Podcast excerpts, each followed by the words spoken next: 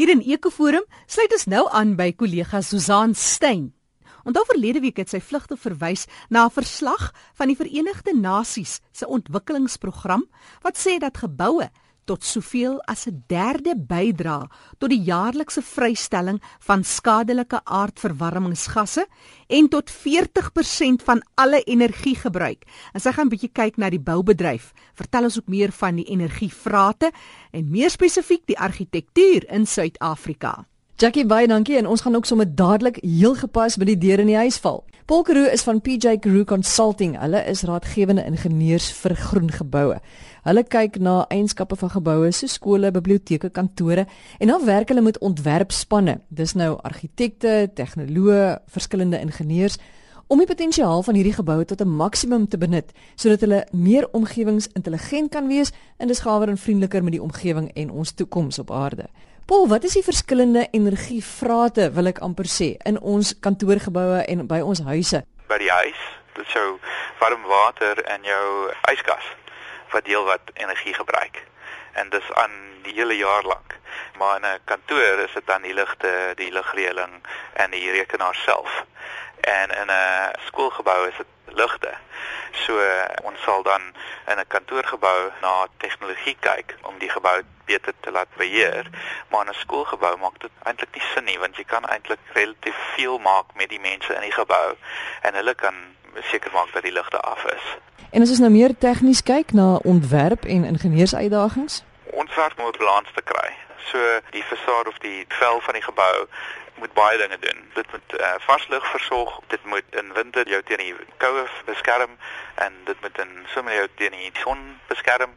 In die winter wil jy hê dat die son inkom en dan moet die stelsels daarmee werk. So dan wil jy hê dat die ligte dan af is wanneer jy die daglig het. En jy moet nie nou te veel lig hê nie dat daar te veel hitte is en dan moet die lugreëlingsstelsel baie daarteen werk. En dan jy moet die beton van die gebou gebruik. Dis nie goed genoeg om net seker te maak dat die son nie inkom nie, want jy het al klaar mense en rekenaars binne wat die het uh, wat dit verskaf.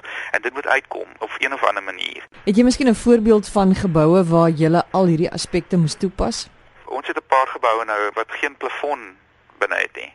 En dan is al die beton van die gebou beskikbaar om die hitte van die mense van die rekenaars nie van die ligte nie want hulle is nou af en ons het nou die gebou mooi ontwerp om nie ligte nodig te hê gedurende die dag nie. En dan as daar nou te veel mense of rekenaars of te veel hitte in is want ons net te veel mense in die gebou, dan kan ons nou sê, okay, ons het nou 'n stelsel nodig, maar dit kan maar heelwat kleiner wees en dit hoef nie baie effektief te wees nie, maar dit moet afwees wat dit nie nodig is nie. Want op die oomblik is dit meer belangrik om dit seker te maak dat dit nie anders nie. En dan in die paar ure van die jaar wanneer die gebou sukkel, dan kan dit aanwees en dan kan dit 'n bietjie ekstra elektrisiteit gebruik wanneer dit aan is. Maar ons wil liewer die geld insit om seker te maak dat dit nie anders is wanneer dit nie nodig is nie. En dis nou deel van die balans want wat gewoonlik waar gebeur op hierdie geboue is almal wil die beste van alles insit en dan kos dit te veel en dan kry jy amper niks nie. En niemand weet eintlik wat die meeste werk vir jou doen nie. So as daar nou 'n deel van die gebou wat baie daglig het dan hoef jy nie nou baie baie duur ligte te hê wat baie effektief is nie want hulle kan maar afwees. As jy in 'n gebou is waar die ligte moet aanwees, dan moet jy nou baie effektief ligte hê en dan moet hulle baie min energie gebruik wanneer dit aan is. Kan jy vir ons 'n bietjie statistiek gee van hoeveel geld 'n mens byvoorbeeld sou kon spaar as jy 'n omgewingsslim gebou het teenoor sê nou maar 'n omgewingsminder slim gebou?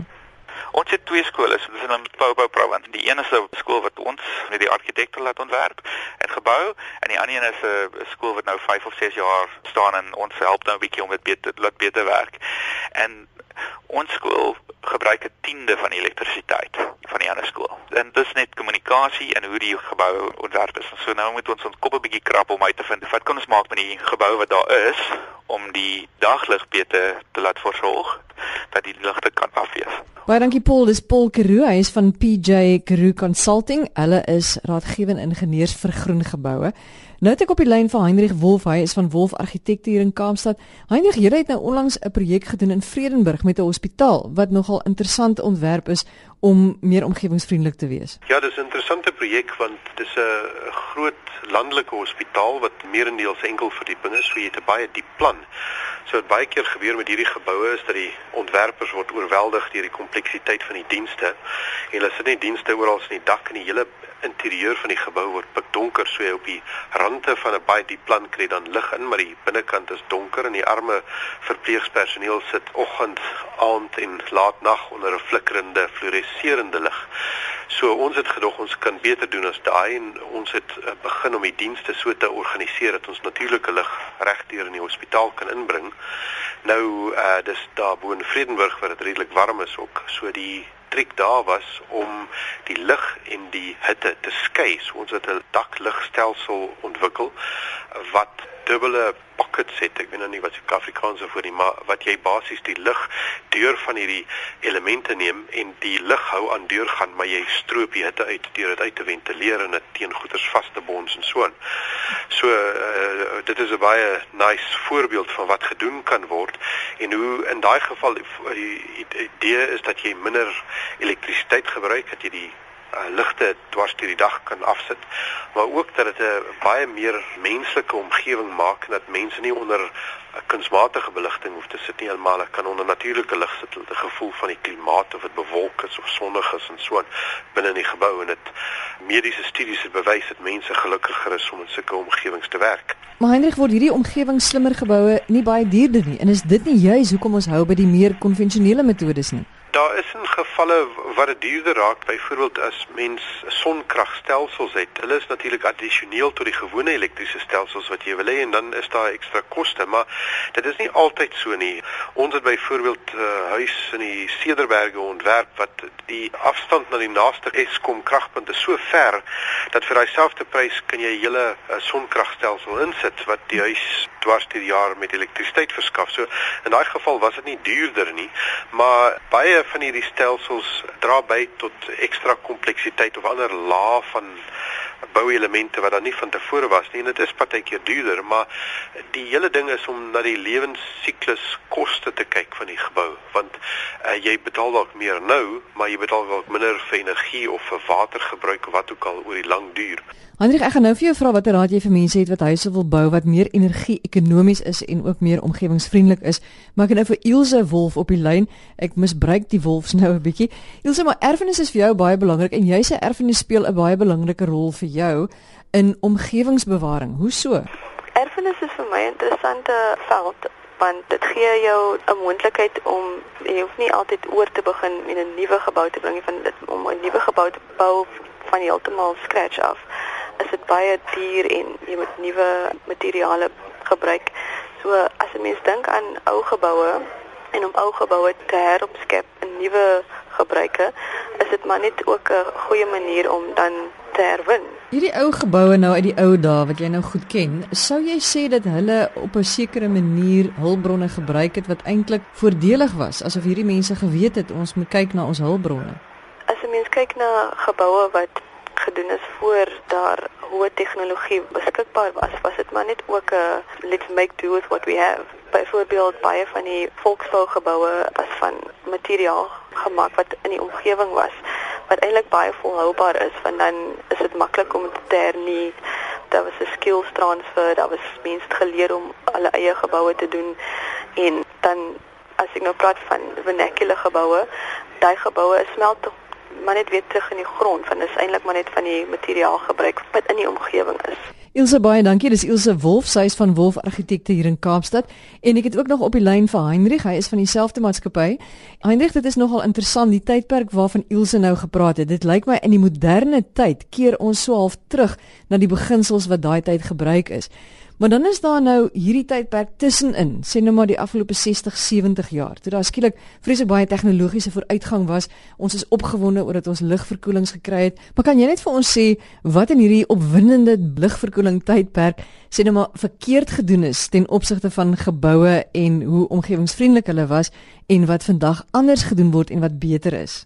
Wel, ehm um, met die ontdekking van die lugversorger was ons so beïndruk met hierdie nuwe tegnologie dat ons begin het om geboue te maak wat heeltemal geseël is en wat nie behoorlik kan ventileer nie en wat geheel al op hierdie masjiene staat maak om die gebou te af te koel en te ventileer. En dan redelike uh, swaapagtige argitektuur wat daarmee saamgaan soos hierdie groot glasfasades en geweldige warm klimate wat jy eintlik die mees onvanpaste boumateriaal gebruik om in 'n sekere klimaat te bou. En dan bou jy 'n groot masjien om die ding dan af te koel om die, met die gevolge te deel van hierdie baie onvanpaste boumateriaal wat jy gebruik het. So ek dink ons almal besef maar hierdie groot glasgeboue in baie warm klimate is net absoluut onaanvaarbaar en mens moet anders ter dink daaroor. So ons vind dat baie ontwikkelings is dat mense teruggaan na die elemente wat skade weer gooi sê maar oor glaselemente of die glas eenvoudig kleiner maak of dubbele glaslaag of gesofistikeerde glasfasades ontwerp om so die hitte uh, las op die gebou te verminder of op die koue verlies te verminder ook. En ook uh, bewustheid is dat uh, sekere materiale byvoorbeeld sement 'n uh, groot uh, koolstofdioksied footprint het en dat mense dit ook moet aanwerk. So die bouindustrie het aan baie van hierdie goed gewerk oor die afgelope jare om dit te verbeter. Hendrik Laasens, watter raad het jy vir mense wat 'n gebou wil oprig wat omgewingsvriendelik is? Die ding is dat mense probeer minder materiaal te gebruik want dit is 'n een baie maklike manier om die omgewingsimpak te verbeter. Dan wil jy seker maak as die materiaal korrekte manier gebruik is vir die termiese gedrag van die gebou sodat jy jou energieverbruik verminder. Dan wil jy ook die soort van materiale kies om net te kyk dat jy weet hierdie uh, materiaal nie Indonesiese harde hout is of wat ook al nie, maar dalk goeder wat meer kommersieel uh, verbou word wat daar sertifisering is dat dit volhoubaar verbou word en dan om te kyk tot watter mate kan mens uh, energie onafhanklik genereer en uh, eenvoudige goed soos die gebruik van water. Ek meen uh, baie van ons water wat deur reën op die aarde val gaan net eenvoudig in die oseaan en in Kaapstad is omtrent 70% van alle reënwater gaan oseaan toe. En baie van hierdie kan nuttig gebruik word in ons stede en in ons woonplekke en daar's allerlei geleenthede rondom reënwater te gebruik vir toilette en vir tuinmaak en daai soort van goeders. Ek meen om ons toilette met drinkwater te spoel is 'n onregverdigbare luksheid. So daar's heelwat wat gedoen kan word. Baie dankie Heinrich Wolf van Wolf Argitekte in Kaapstad. Net voordat ek groet, daar is 'n projek in Duitsland, hulle noem dit Passive House. Dit is waar geboue so gebou word dat dit heeltemal energiebesparend is. Die materiaal wat hulle gebruik, die ligging van die gebou, die ontwerp van die gebou en terselfdertyd baie gerieflik. Jy kan op toere gaan na van hierdie geboue of van hierdie huise in Duitsland. Jy kan studies gaan doen in hierdie soort tegnologie as jy dit self wil gebruik. Hulle het ook kompetisies vir argitekte. Hulle verduidelik vir jou hoe om die energie so te bespaar dat dit lekker warm is in jou huis in die winter, dat dit heerlik koel cool is as dit sê nou maar in die trope is. Dis absoluut ongelooflik en die webinligting is ook op RSG se webblad saam met al die inligting van ons gaste vanmiddag. Tot volgende keer totsiens. Die bydra in Ekoforum oor groenbouaktiwiteite is saamgestel deur kollega Susan Stein in Kaapstad.